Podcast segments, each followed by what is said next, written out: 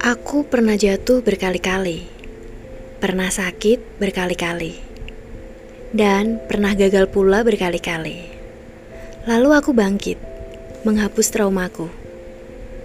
Aku menengok ke belakang untuk mengambil pelajaran. Aku jadikan luka sebagai pengalaman. Lalu, membalut semua dalam senyuman. Aku selalu yakin akan doa, usaha, dan hasil. Aku lakukan lagi, lagi, sampai aku puas. Sampai aku merasa ini bukan apa-apa.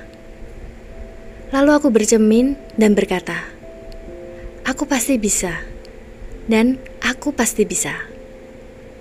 Percayalah, kita adalah ciptaannya yang paling berharga.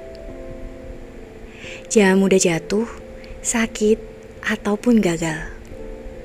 Buat kalian yang lagi gagal, tetap berjuang ya.